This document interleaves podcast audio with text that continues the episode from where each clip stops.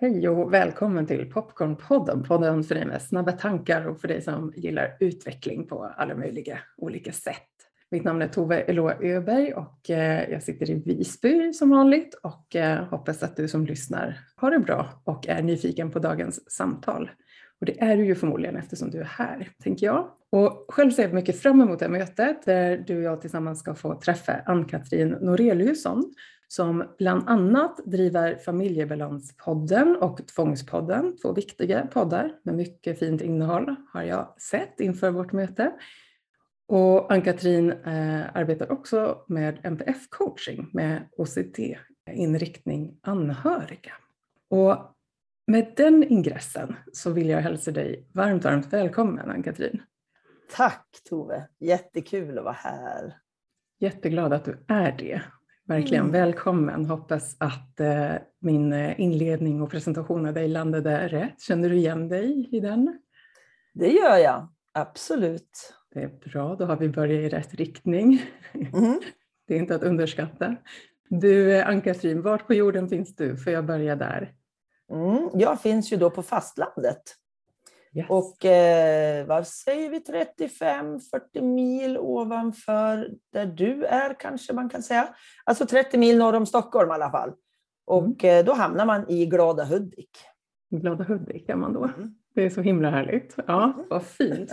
Hur har ni det där uppe just nu? Här på Gotland finns det ingen snö kvar. Okej, okay, det har vi. Vi har det, det. men inte mycket. Alltså det är kanske någon decimeter eller något sånt där. Och idag så har vi lite blandat väder. Det var jättesoligt och fint precis när jag gick in och satte mig här. Men nu har det kommit lite moln. Men det är ljust och det är fint och jag ser alltid så mycket fram emot våren. För det är, jag bor ju vid havet. Jag bor ju bara några meter ifrån havet, kanske 30, 20 mm. eller något. Och det är så fantastiskt, för jag följer ju alla väderlekar. Alltså, det skiftar ju hela tiden. Varje gång jag tittar ut så är det ett annat väder eller ett annat uttryck i naturen och jag älskar verkligen det. Det kan jag tänka mig. Vilken gåva att ha det som utsikt och en ny tavla ja. varje gång man tittar mm. ut. Jajamän, sen fyra år tillbaka så har vi det så. Fantastiskt bra val låter det som. Mm, mm det det. Du, var härligt att få ha det som, eh, som inramning på sin vardag i, eh, tänker jag mig, eh, att det som vila och liksom återhämtning att se ut på det där och få ha närhet till det när jag vet att du jobbar med en del tidvis vad man skulle kunna definiera som svåra saker och viktiga frågor inom psykisk hälsa. Mm, skulle du vara öppen för att berätta lite, vad är din väg in i att jobba med de här frågorna? Mm. Min väg in är vår egen eh, situation som vi har haft i vår familj ända sedan våra barn föddes kan jag säga. Och det är ju då 30 2 och 34 år sedan i år. Mm, så två och barn. Mm. Två barn, en dotter som är, blir 34 år och en son som blir 32 nu på söndag faktiskt. Oh, grattis och, i förskott. Mm. mm. precis, och det är ju liksom det som har drivit mig in i att jobba med de här frågorna. För att vi har ju då barn som har både ADHD, autism, Tourettes syndrom som är tics ADHD och autism vet ju många vad det är idag, men tics och Tourettes är inte lika vanligt att prata om. Och OCD, och det är ju då tvångssyndrom. På svenska är det tvångssyndrom. På engelska är det ju då obsessive compulsive disorder. Och handlar om olika möjliga tänkbara tvång som man kan ha när man har eh, OCD. Och eh, det har varit den svåraste diagnosen i vår familj, att lära oss, inte kanske lära oss hantera, det lärde jag mig ganska snabbt, men att få hanterbart, för det är en väldigt plågsam diagnos. Alltså psykiatriskt tillstånd heter det, för det ingår inte i NPF-diagnoserna. Så, för att det här är ett, eh, eh gamla tidens då, psykisk sjukdom. Men det samexisterar väldigt ofta tillsammans med olika NPF-diagnoser. Det är jättevanligt att ha OCD, autism, OCD, ADHD eller som min son som har fyra diagnoser. Då. Det är ganska vanligt. Och det är det som har gjort att jag känt att framför allt anhöriga som har någon med OCD i familjen är så ensamma. Det var ju jag med. Jag kände ju ingen som hade, hade det på liknande sätt och fattade ju inte riktigt från början heller vad det var. Det tog ju liksom något år att förstå vad är det mer än ADHD? För det var det han utreddes för först, då, våran son. Och eh, med tiden så har jag liksom känt, från början jobbar ju jag då som NPF-coach över hela spektrat NPF. Men till slut så upplevde jag det som att anhöriga som har tvång i familjen, de var de som var så, så eftersatta av psykiatrin. De var så ensamma, de visste inte ens att det fanns andra familjer som hade det som dem. Så då tänkte jag det, nej det här är mitt. Det, det blev liksom mitt kall. Det låter väldigt pretentiöst, men det är så det känns. Alltså jag kan inte leva utan att jobba med det här. Jag har tänkt flera gånger att nej men alltså jag, kanske inte, jag kanske ska sluta för det är ganska tungt. Men då har jag känt att nej, jag kan inte sluta, det går inte. Den dagen inte hjärnan funkar, då kanske jag slutar. Förhoppningsvis, för då kommer jag inte att fungera. Men alltså jag känner det som att det här är så otroligt viktigt och att jag gör så skillnad för de här familjerna. Så att för mig är det livsviktigt. Ja, det hör jag när du berättar om det, känner jag i mig, att det finns någonting väldigt självklart över mm. det du, eh, hur du kommunicerar det du kan om det här. Och jag hör det som att det är både kompetenser som, alltså det, man kan läsa sig till mycket mm. av det här, absolut, men det finns ett lager till mm. av att ha egna erfarenheter. Och ja. Det är vad jag gissar att det är en av de stora, stora gåvorna i de som får möta dig. Att man hör det igenom på något sätt, att det finns en egen erfarenhet och koppling mm. som jo, kan vara väldigt eh, läkande, tror jag. Ja, och jag tror faktiskt att det är därför de hittar mig på något sätt. Att jag inte har bara läst mig till det, utan att jag har levt det i varje cell. Jag liksom brukar känna så att det här, är i min, det här ligger på cellnivå hos mig. Det är både engagemanget och känslan jag har inför de andra anhöriga då, som jag träffar. Mm. Det är så viktigt för dem att känna att mitt engagemang är gediget och att jag fattar. Att jag kan faktiskt säga det. Ja, jag förstår faktiskt hur ni lider och hur ni har det. Och de tror mig, för att de vet ju, har ju läst och lyssnat på det jag har, alltså det jag delar med mig av. Så att, eh, ja, det, mm. jag tror de känner, det, det lyser igenom faktiskt. Mm. Och snart mm. kommer ju min bok, måste jag ju säga. I mitt ja, berätta om boken. Jag såg någonting om detta fladdra förbi i mitt flöde, men eh, det har ju inte kanske lyssnarna hört. Nej. Eh, du har skrivit en bok alldeles alldeles nu? Alldeles nu? Ja, jag har hållit på i åtta år med ett första manus som jag till slut la åt sidan, och, eh, för den var också bred. Den behandlade också hela NPF-biten. Men sen så efter kanske, ja, jag fick kontakt med ett förlag, eller jag hittade ett förlag som var intresserad av att ge ut min bok. Och då när hon läste igenom mitt manus så tyckte hon att det var lite brett.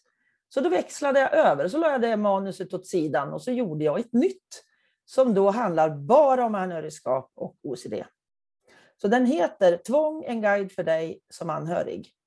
Och mm. den är ju också då ett resultat i att jag har letat en sån bok under alla år vi har haft. Jag har vetat att vi har haft tvång i vår familj.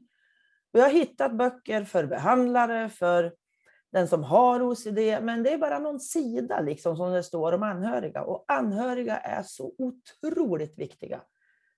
Just när det finns tvång i familjen. Vet inte de hur de ska göra så kommer ingen behandling att hjälpa. Så att det krävs att de anhöriga vet. Och då kände jag, ja, men då gör jag det. Jag ville göra den boken. Jag är absolut ingen skrivare. Jag är en talare, som ni kanske märker, för jag pratar jättemycket. Men, Fantastiskt att höra dig vill jag säga, så fortsätt. Det går så bra. Ja. ja, jag pratar ju jättegärna och det är väldigt lätt för mig. Men att skriva är, det är svårt tycker jag. Det är tungt och det är svårt och jag får... Jag satt så många gånger och skulle sitta de där 25 minuterna om dagen och skriva och det kom ingenting. Du valde ändå att sätta dig. Ja, därför att jag fick det tipset för åtta år sedan. Sätt dig 25 minuter varje dag vid datorn så ska du se att det kommer. Nej. Det var jättejobbigt och jättesvårt. Men till slut, så jag fick göra på min, mitt sätt. Jag hade gjort en webbkurs. Då använde jag den att lyssna på för att få inspiration att läsa. Och som tur är så har jag ju då vant mig vid min röst. För från början tyckte jag det var vedervärdigt att höra mig själv, alltså för jättelänge sedan. Men sen jag började podda och föreläsa och har lyssnat på mig själv så har jag accepterat min röst. Och det känns jättehärligt. Faktiskt. Det finns en frihet i det. Jag ser dig nicka och liksom Mm. fira det här nästan och jag kan relatera till det. I början, det här med att höra sin röst, de flesta Ja. kan nog tänka sig, men gud, hur låter jag? För vi är inte vana att höra oss själva. Men att det kan finnas någonting eh, ganska härligt i det. det här, är lite sidospår, men också så här Ja. på temat att orka och hålla och må bra med sig själv. Så ja, absolut. Och jag hör att du liksom fick hjälp av dig själv att Mm. då komma igång med skrivandet på ett sätt som funkade dig.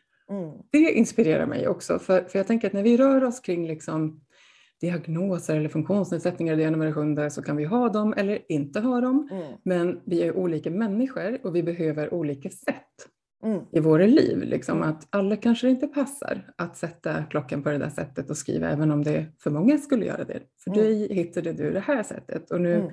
Är den här boken liksom på väg. Mm. Eller till och med ute. Är den möjlig Nej. att köpa? Nej. Inte än. på gång. Inte. Mm. Man kan mejla mig och ställa sig på listan för att få de första exemplarerna som går iväg. Jag har en liten lista med ja, kanske 15-20 stycken som vill ha boken så där direkt. Men den är inte tryckt än. Så att vi håll, jobbar med inlaga och omslag just nu jätteintensivt. Så den går till absolut sista korrekturet nu på fredag och sen ska den tryckas och vara helt klar den 20 mars. Då ska jag 20 ha den i min hand. Då ska den gå att beställa. Så att, eh, och det känns jätteskakigt och jätteroligt och det har alla tänkbara känslor i sig att ha skrivit den här boken som jag har längtat efter så länge.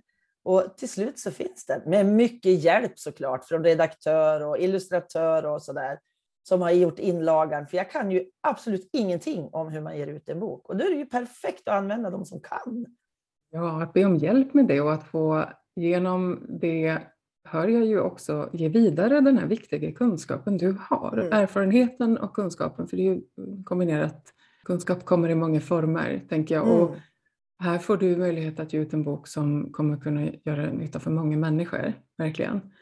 Är det så att lyssnarna, när de hör det här, kan höra av sig till dig och förhandsbeställa om de vill? Absolut. Ja, absolut. då, du som lyssnar kan ju hålla utkik till slutet av eh, det här avsnittet så får du en eh, kontaktinfo på det. Så Precis. tar vi det som en liten cliffhanger. Vad spännande. Mm. Mm. Viktigt, vad spännande och jag blir jätteglad att höra det. För jag vet inte om du vet Ann-Katrin, men jag har ju flera år jobbat inom anhörigstödjande verksamhet här på Gotland. Det har jag nog hört någonstans, för det var inte Kanske. obekant nu när du säger det. Nej, jag kan ha liksom nämnt det i något sammanhang som det snappas upp sådär. Men eh, jag jobbade i flera år med både verksamhetsutveckling och som teamledare i, i vad man kallar här på ön anhörigteamet. Mm. Och höll också enskilda samtal i anhöriggrupper. Och jag skulle säga att en av de saker, det finns mycket att säga om det, men det är inte det vi är här för, men en av de saker som kommer upp för mig när, när jag hör dig så är det ordet ensamhet. Mm. Ehm, du nämnde det någon gång, men, men jag vill stanna till lite vid det, därför att jag tror verkligen att det är så många anhöriga som har den upplevelsen Mm. i sitt anhörigskap. Mm. Absolut. Och att det du gör för mig återigen kopplar tillbaka till att få ett sammanhang eh, och förstå att man inte är ensam. Mm. Mm. Jo, men alltså, jag har ju själv då, jag är ju NPF-förälder från början.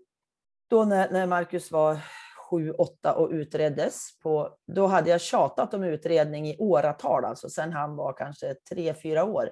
För jag trodde att det var vi föräldrar som var fullständigt komplett värdelösa. Vi skulle inte ha haft några barn. Det var min känsla. Så till slut så lyckades jag hitta vägen in till BUP och Marcus utreddes. Och i och med det så kunde jag ju liksom närma mig ett nätverk. Och det var då BUP från början som startade upp ett nätverk för andra föräldrar då som hade nyutredda barn. Med ADHD var ju det. För i, i tanken att vi skulle starta en förening. Och då blev vi, det utkristalliserades i tre personer, jag och två till, som startade Attention Hälsingland, kallade vi oss då. Det var inom Riksförbundet Attention alltså. Numera heter vi Attention Hudiksvall. Och i de nätverksformerna och i anhörigstöds eh, nätverk, då, eller anhöriggrupper, har ju jag fått så mycket Alltså det är ju där jag har hittat kraften, i den här samverkan med andra som fattar och som kan nicka, precis som du gör nu. Alltså nicka just det här med att jag fattar. Jag vet, för jag är lik. Jag har, vi har känt ungefär samma, fast det kanske är olika situationer. Men känslan är densamma. Och just de nickningarna som man får av människor som fattar, som har det ungefär likadant, det är så himla viktigt. Så för mig är ju nätverket enormt viktigt. Alltså. För att den här ensamheten som man går med i så många år som många gör, den förgör en.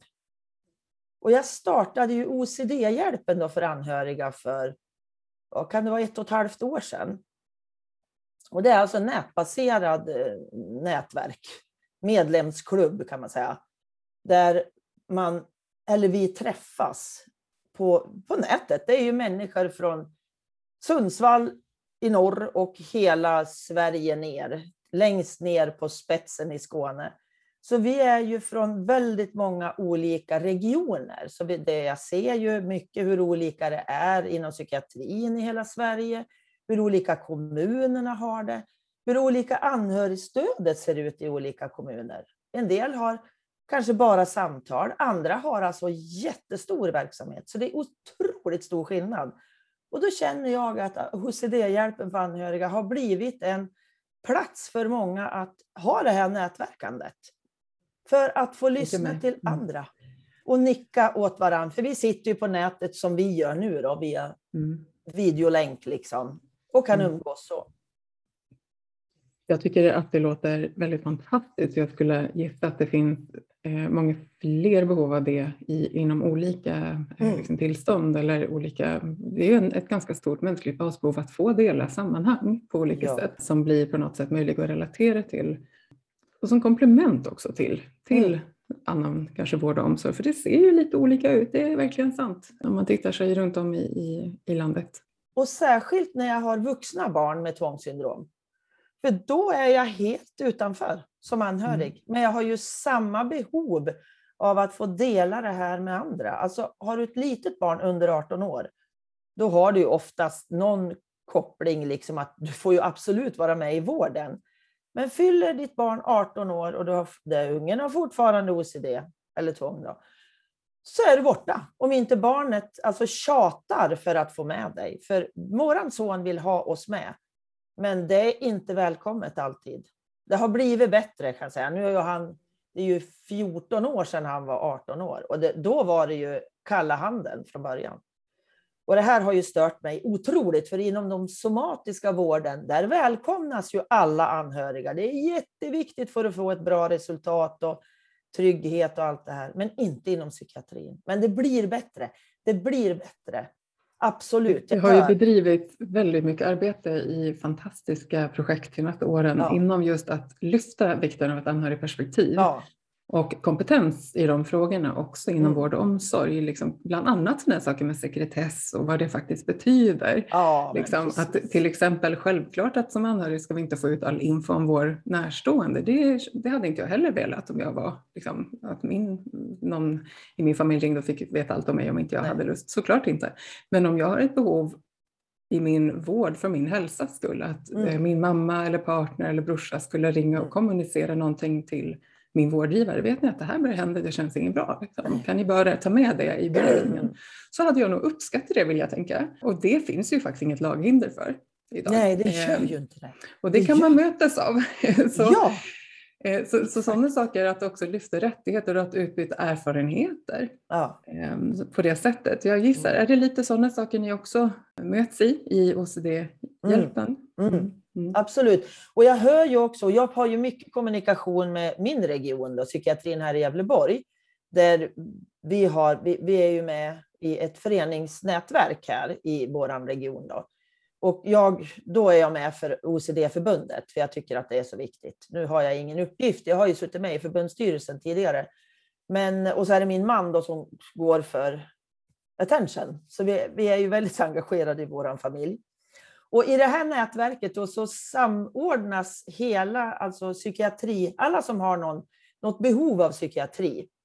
Det kan vara suicid, det kan vara schizofreni, det är OCD, det är de olika NPF-diagnoserna, autism med flera. Då. Och vi har ju då ett väldigt öppen dialog med psykiatrin här.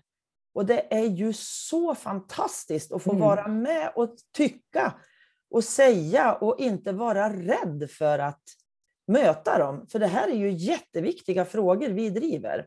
Och de Mm. lyssnar. Mm, Och fantastiskt. de är inte alls Mm. omöjliga. Och jag har ju ringt även som privatperson för att berätta om hur vi har upplevt vården, alltså till högsta chefen i psykiatrin här. För att Mm. jag har bett att få träffa henne för att jag måste få berätta hur det har varit. Både mm, tyvärr mycket negativt ibland då, men även det som funkar. Och hon Både tar och, emot. tänker jag. Ja, Mm. och hon tar emot med öppna armar. Och jag har haft förslag också. Ni måste liksom göra så här. Ja, men vilken bra idé. Fantastiskt. Och det där ja. gör mig väldigt glad också. Liksom. Ehm, Jag har ju också jobbat som chef i, i liksom offentlig sektor. Man älskar när det kommer utvecklingsförslag. Här, Ja. Det är också, klagomål, kritik är också utvecklingsförslag. Ja, får man faktiskt konstatera, för då finns det något att utveckla som skulle kunna upplevas bättre för eh, medborgaren. Liksom. Men det finns också någonting härligt i, där det är formulerat så här, här har ni en lösning potentiellt. Ja. Och lite beröm har jag också att du har hunnit med att ge. Och det här är viktigt, det är kanske inte alla som känner till heller att man kan lämna in synpunkter och, mm.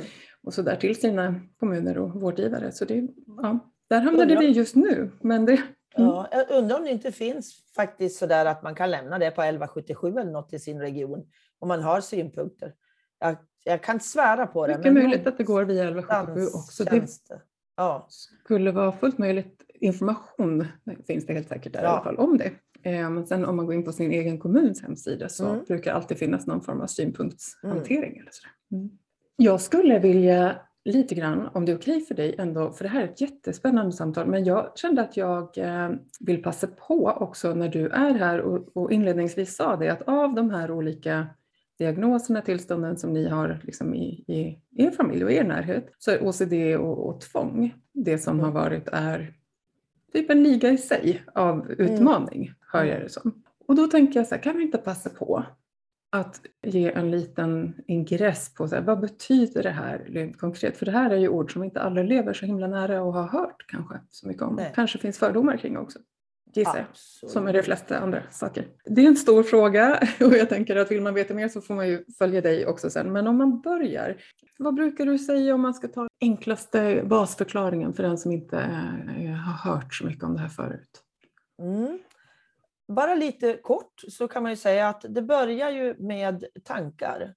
Alltså skrämmande, obehagliga, ångestdrivande tankar av att eh, det kan vara kanske, det som man ofta pratar om det är ju att man inte tror att man är riktigt ren.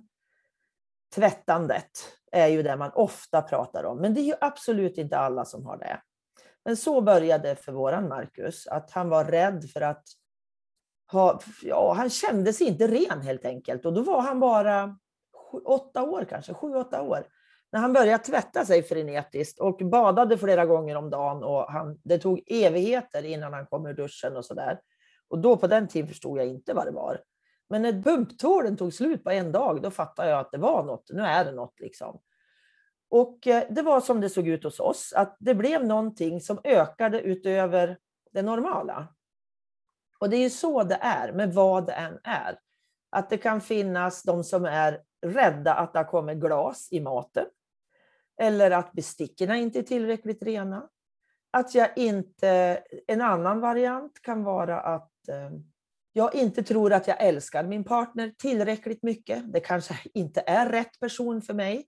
Och det inte är det där bara att ja, men han är ju inte jättebra för mig den här killen kanske eller tjejen. Eller ja, vad det nu är.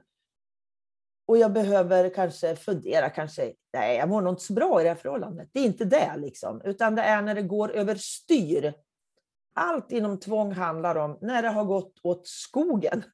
När det är liksom så mycket av allting, eller som min son som trodde att han gjorde illa oss varje gång vi kom i närheten av varandra. Så frågade han, gjorde jag illa dig nu? Eller att han frågade, eh, vad sa du? Och det var inte för att han inte hörde, det var för att han litade inte på att han hörde vad jag sa. Och då gick ångesten igång, tänk om jag missade ett ord och så vidare. Eller eh, Och att för att inte... stå ut i den situationen behövde han försäkra sig om att det var Ja, rätt. Och så även nästa gång och nästa gång. Och, Ja. liksom det, när man märker att det blir för mycket av någonting. Det är liksom då man ska börja reagera och tänka, mm, undrar vad det här är. Och så får man börja googla. Och hur ja. man ska googla från början vet jag inte riktigt. Så här tänker jag mig, att ganska många av de här sakerna som du tar som exempel nu, en gång, ingen gång. Det kan hända att någon gång ja. har man sagt, nej men jag känner mig inte helt ren, jag måste tvätta händerna igen. Ja, en gång. Det kan hända att det var så den dagen ja. och det kanske fanns en rimlig grund i det. Eller att, vad sa du egentligen? Får jag dubbelkolla det bara? Ja. Det jag hör här att det liksom eskalerar och att man mm. Kanske till slut inte faktiskt kan kontrollera riktigt på ett bra sätt det här och att man mår genuint dåligt. Att det också ja. ju ger lidande för en eller andra ja. också. Men att det blir funktionsnedsättande. Ja. Exakt. Mm. Och just det här, om vi tar exemplet tvätt som är, tvättande som är väldigt enkelt att beskriva tvång som, fast det absolut inte är allt. Mm. Den, den delen har inte alla, som jag sa tidigare. Men sen från de här tvångstankarna då, för att hantera den ångesten som, som den här tanken, är jag inte ren, är jag tillräckligt kär, eller vad det nu kan vara för någonting. Då måste jag göra tvångshandlingar. Så att tvång eller tvångssyndrom innefattar tvångstankar och tvångshandlingar. Och tvångshandlingarna kan vara både synliga, som att tvätta sig, eller osynliga, där det sker ramsor, rabblingar, tröstetankar, alla möjliga saker in i mitt huvud för att dämpa ångesten. Allting handlar om att dämpa ångesten. Jag vill bli av med den här jobbiga känslan obehaget, eh, rädslan, vad det nu kan vara. Det är sådana saker som jag vill ha bort med mina tvångshandlingar. Och eh, de synliga då, de är ju lätta att upptäcka, lättare kan jag säga, att upptäcka. När, när vederbörande börjar lägga rena handdukar i tvätten eller sina kläder åker direkt i tvätten eller i soporna eller något sånt där för att äh, jag kan inte ha dem på mig. Alltså då börjar man ju förstå men det som sker inuti huvudet på den som har tvång, där det är ramser, de ser ju inte. Och då kan det vara mycket lättare att dölja för de som finns runt omkring. I det läget så gissar jag, det är också en fråga då till dig, att om det är de här inre beteendena som inte lika lätta för omgivningen att se, kan det då också bli så att man går längre i Absolut. det här tillståndet innan man får den hjälp man skulle mm. behöva? Mm. vet, de, de flesta som, som hamnar i att få de här tvångsmässiga beteendena, som tvång då inne, eller tvångssyndrom innebär, man tror att man håller på att bli galen. Jag tror att jag är den enda i världen som har det på det här sättet. Jag vill inte berätta, för jag känner mig så himla knäpp. Mm. För när man har tvång så fattar man att jag behöver inte göra det här. Det här är helt förkastligt att jag gör det. Men jag gör det ändå, för jag drivs så hårt av de här känslorna.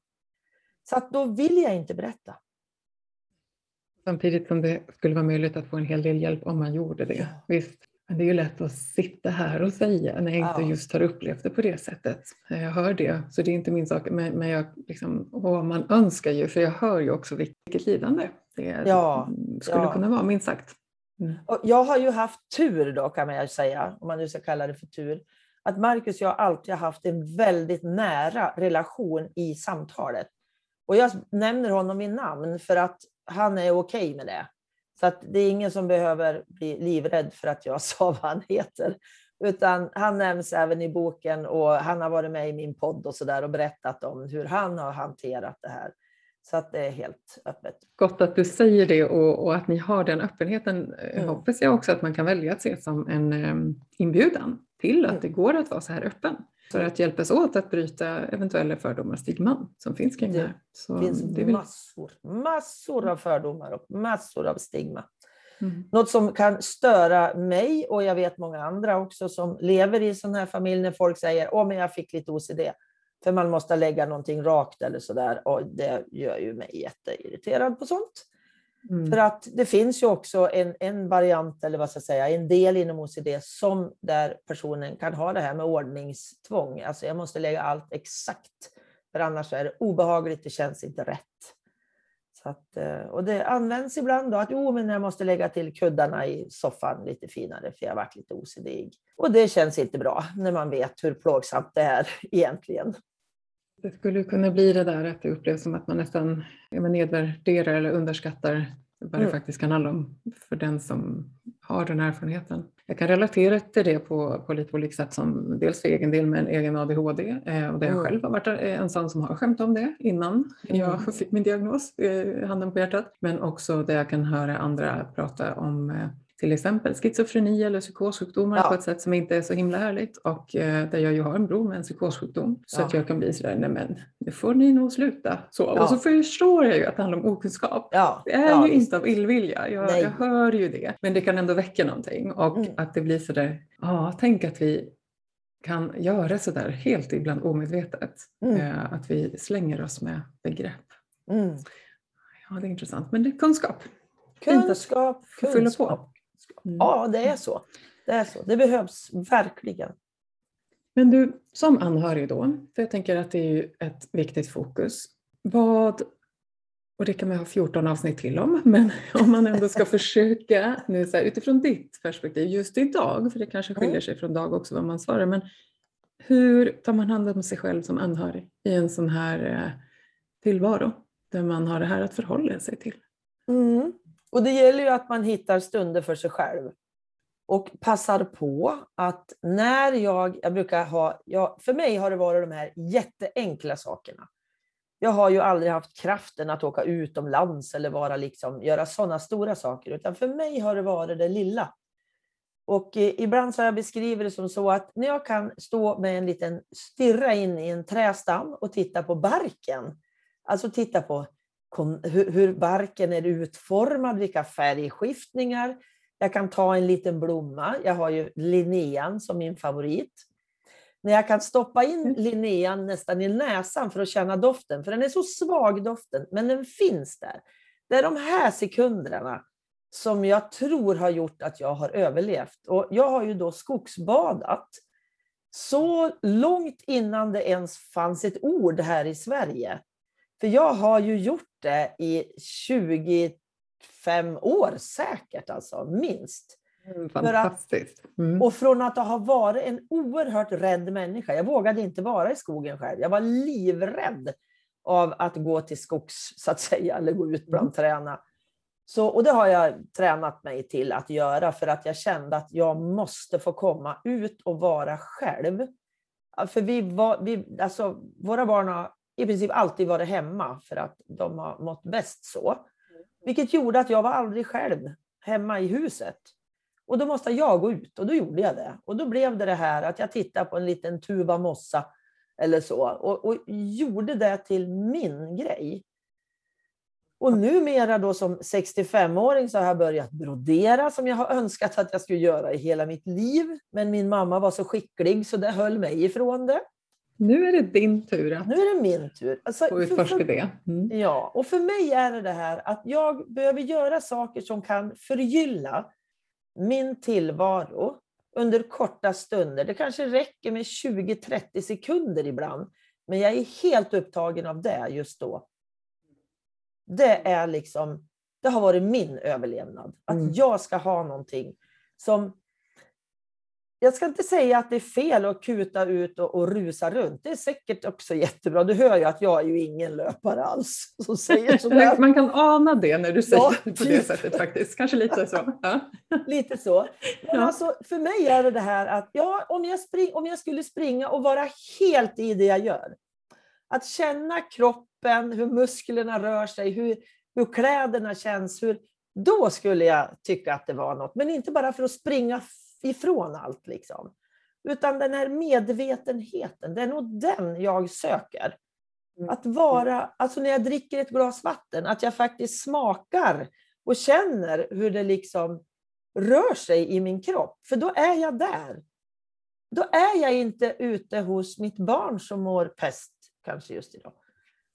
Ja, men precis, så. och att komma tillbaka till det där även i de små stunderna och kanske just i de små stunderna eftersom det här på temat löpning skulle kunna mm. motsvaras vid maratonlopp eller ultradistans. Ja. Liksom. De flesta, eller väldigt många anhörigskap är ju inte korta 500 meters lopp utan det är ju distanser av längre kaliber.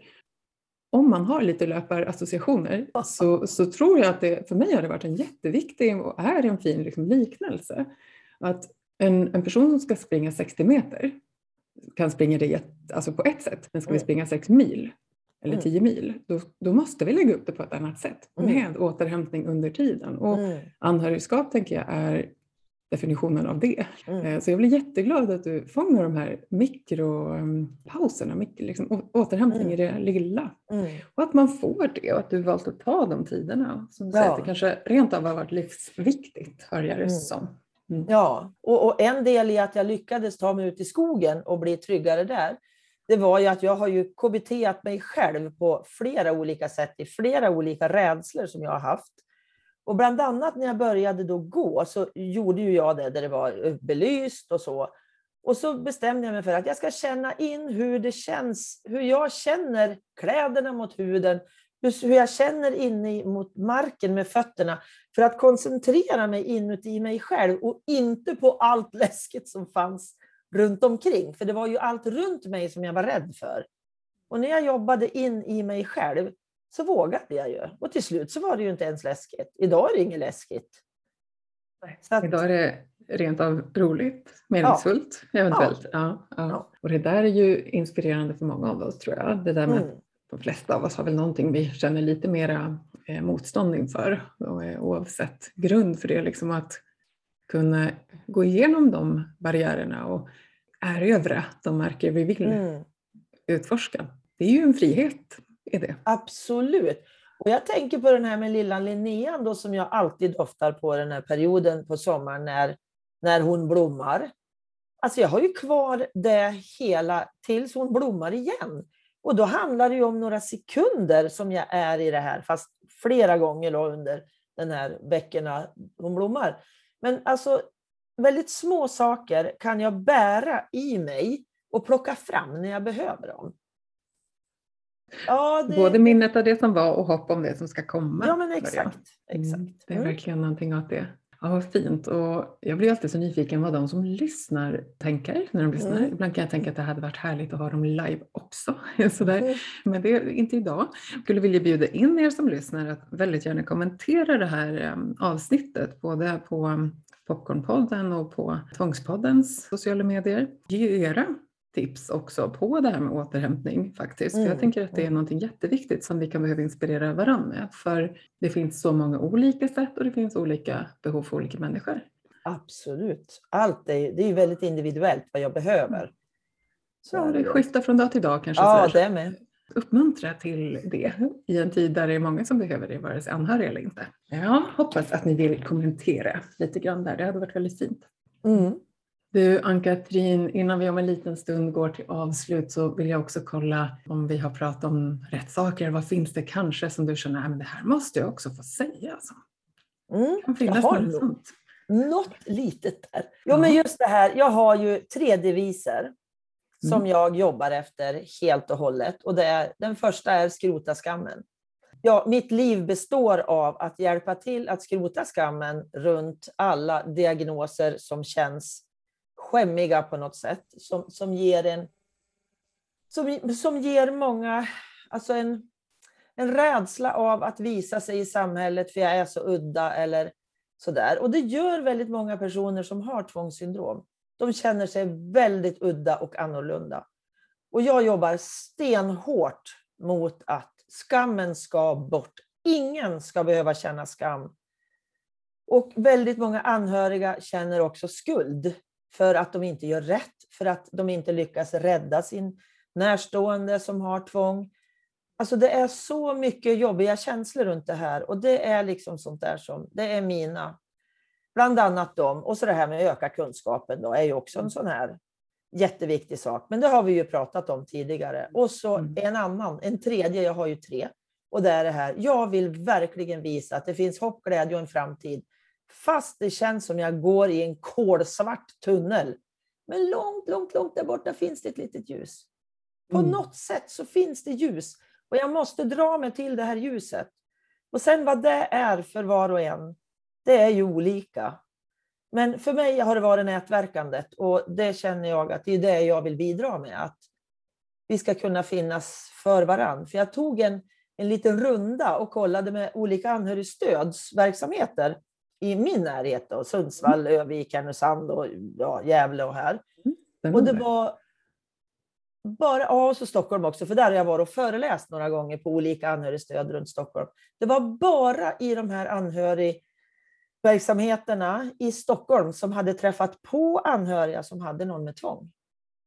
I övrigt så var det tyst. Och då känner jag så här, men snälla någon, alltså det finns 200 000 som har tvång. Så många anhöriga och några fler finns det som behöver stöd. Och då, det var liksom då jag kände att men alltså, jag måste göra någonting. För mm. Hittar de inte dit så måste ju jag då, för det står ju också i boken att det finns kommunala anhörigstöd att söka sig till. Alla vill ju inte hänga med mig, liksom, så att det finns ju många fler sätt att träffa andra i samma situation. Absolut, och att det är fritt att välja, men man behöver ändå känna till. Ja, det är så. Det är, det är min en, uppgift. En ja. Och, och eh, det är ju verkligen så att det är många som inte vet och att det också ser olika ut i olika kommuner ja. som du säger. Och att det kan vara en utmaning att nå ut. Mm. Men jag hör att du gör det, det är fantastiskt, verkligen. Så skrota skammen och öka kunskap. och så var det hopp, det glädje, framtid. Ja, det finns hopp, glädje och en framtid. Mm. På ett eller annat sätt så gör det det. Yes. Det gör det och det mm. är eh, verkligen någonting som jag hoppas det kan få sippra ner i, i eh, det som lyssnar och vidare ut och gärna dela vidare också, tänker jag. För att det här är, eh, det är viktiga frågor som du tar mm. och det här med att skrota skammen och öka kunskap är nära länkat men också att få våga tro lite på ja. Glädjen och hoppet och, mm. och leva lite där. I, Precis. Och bygga framtiden i, i det också.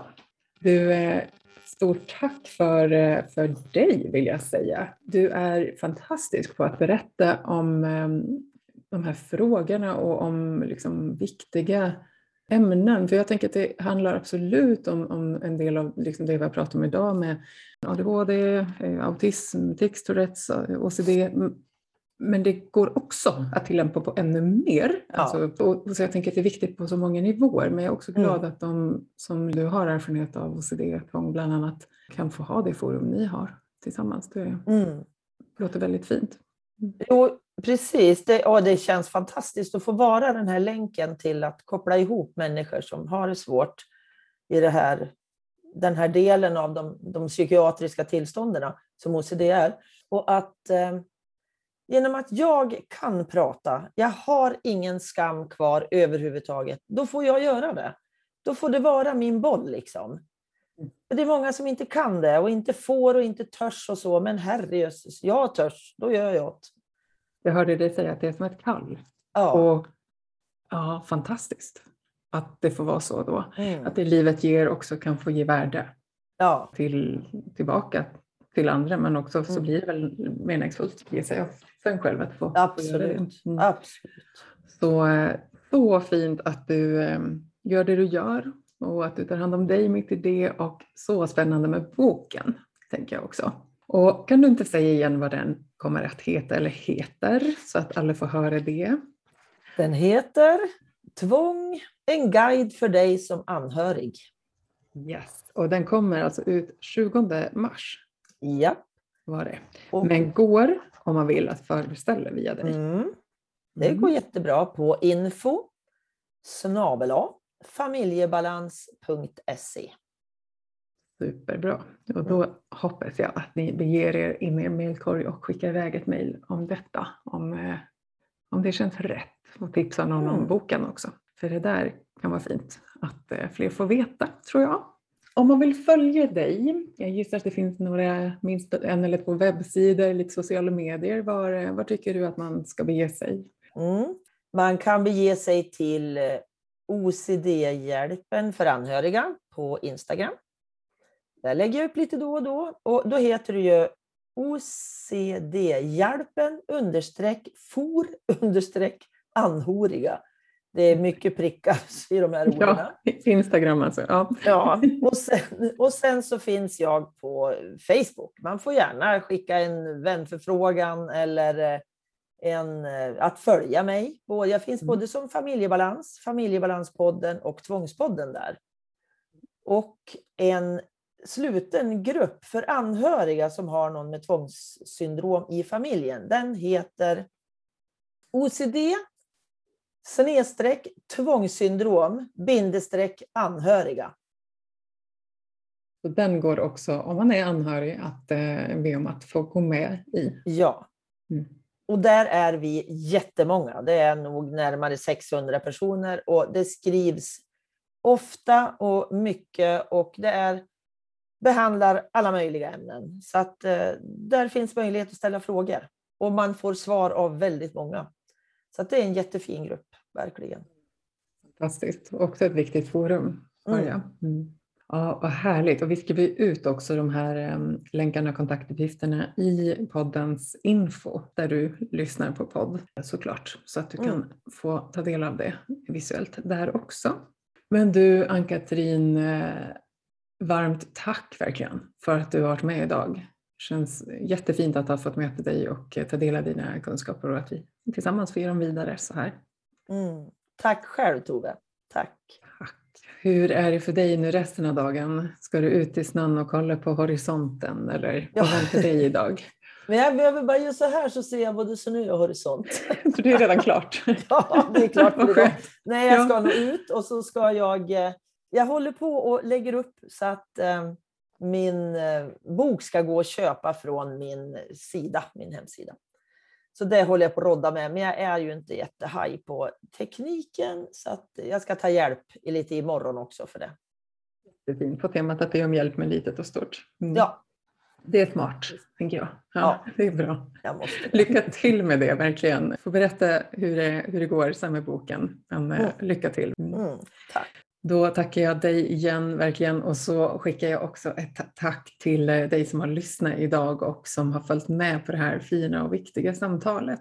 Tycker du att det mm, kan vara någonting som du vill dela vidare i dina flöden för att eh, fler ska få skrota skammen till exempel och öka kunskapen och få lite mer hopp om framtid så eh, gör gärna det. Och hör jättegärna av dig till både Ann-Katrin och mig med någon kommentar om det där med återhämtning och liv, vad det kan betyda för dig. Så med det så säger vi tack och hoppas att du får en fortsatt fin dag. Hej! Du som vill är också varmt välkommen in på Popcornpoddens egen Patreon-sida. www.patreon.com popcornpodden. Där kan du välja mellan flera olika nivåer som passar dig på bästa sätt och sedan kommer du med ditt medlemskap där få ta del av mp3-meditationer och annat material beroende på nivå i medlemskap. Varmt välkommen dit!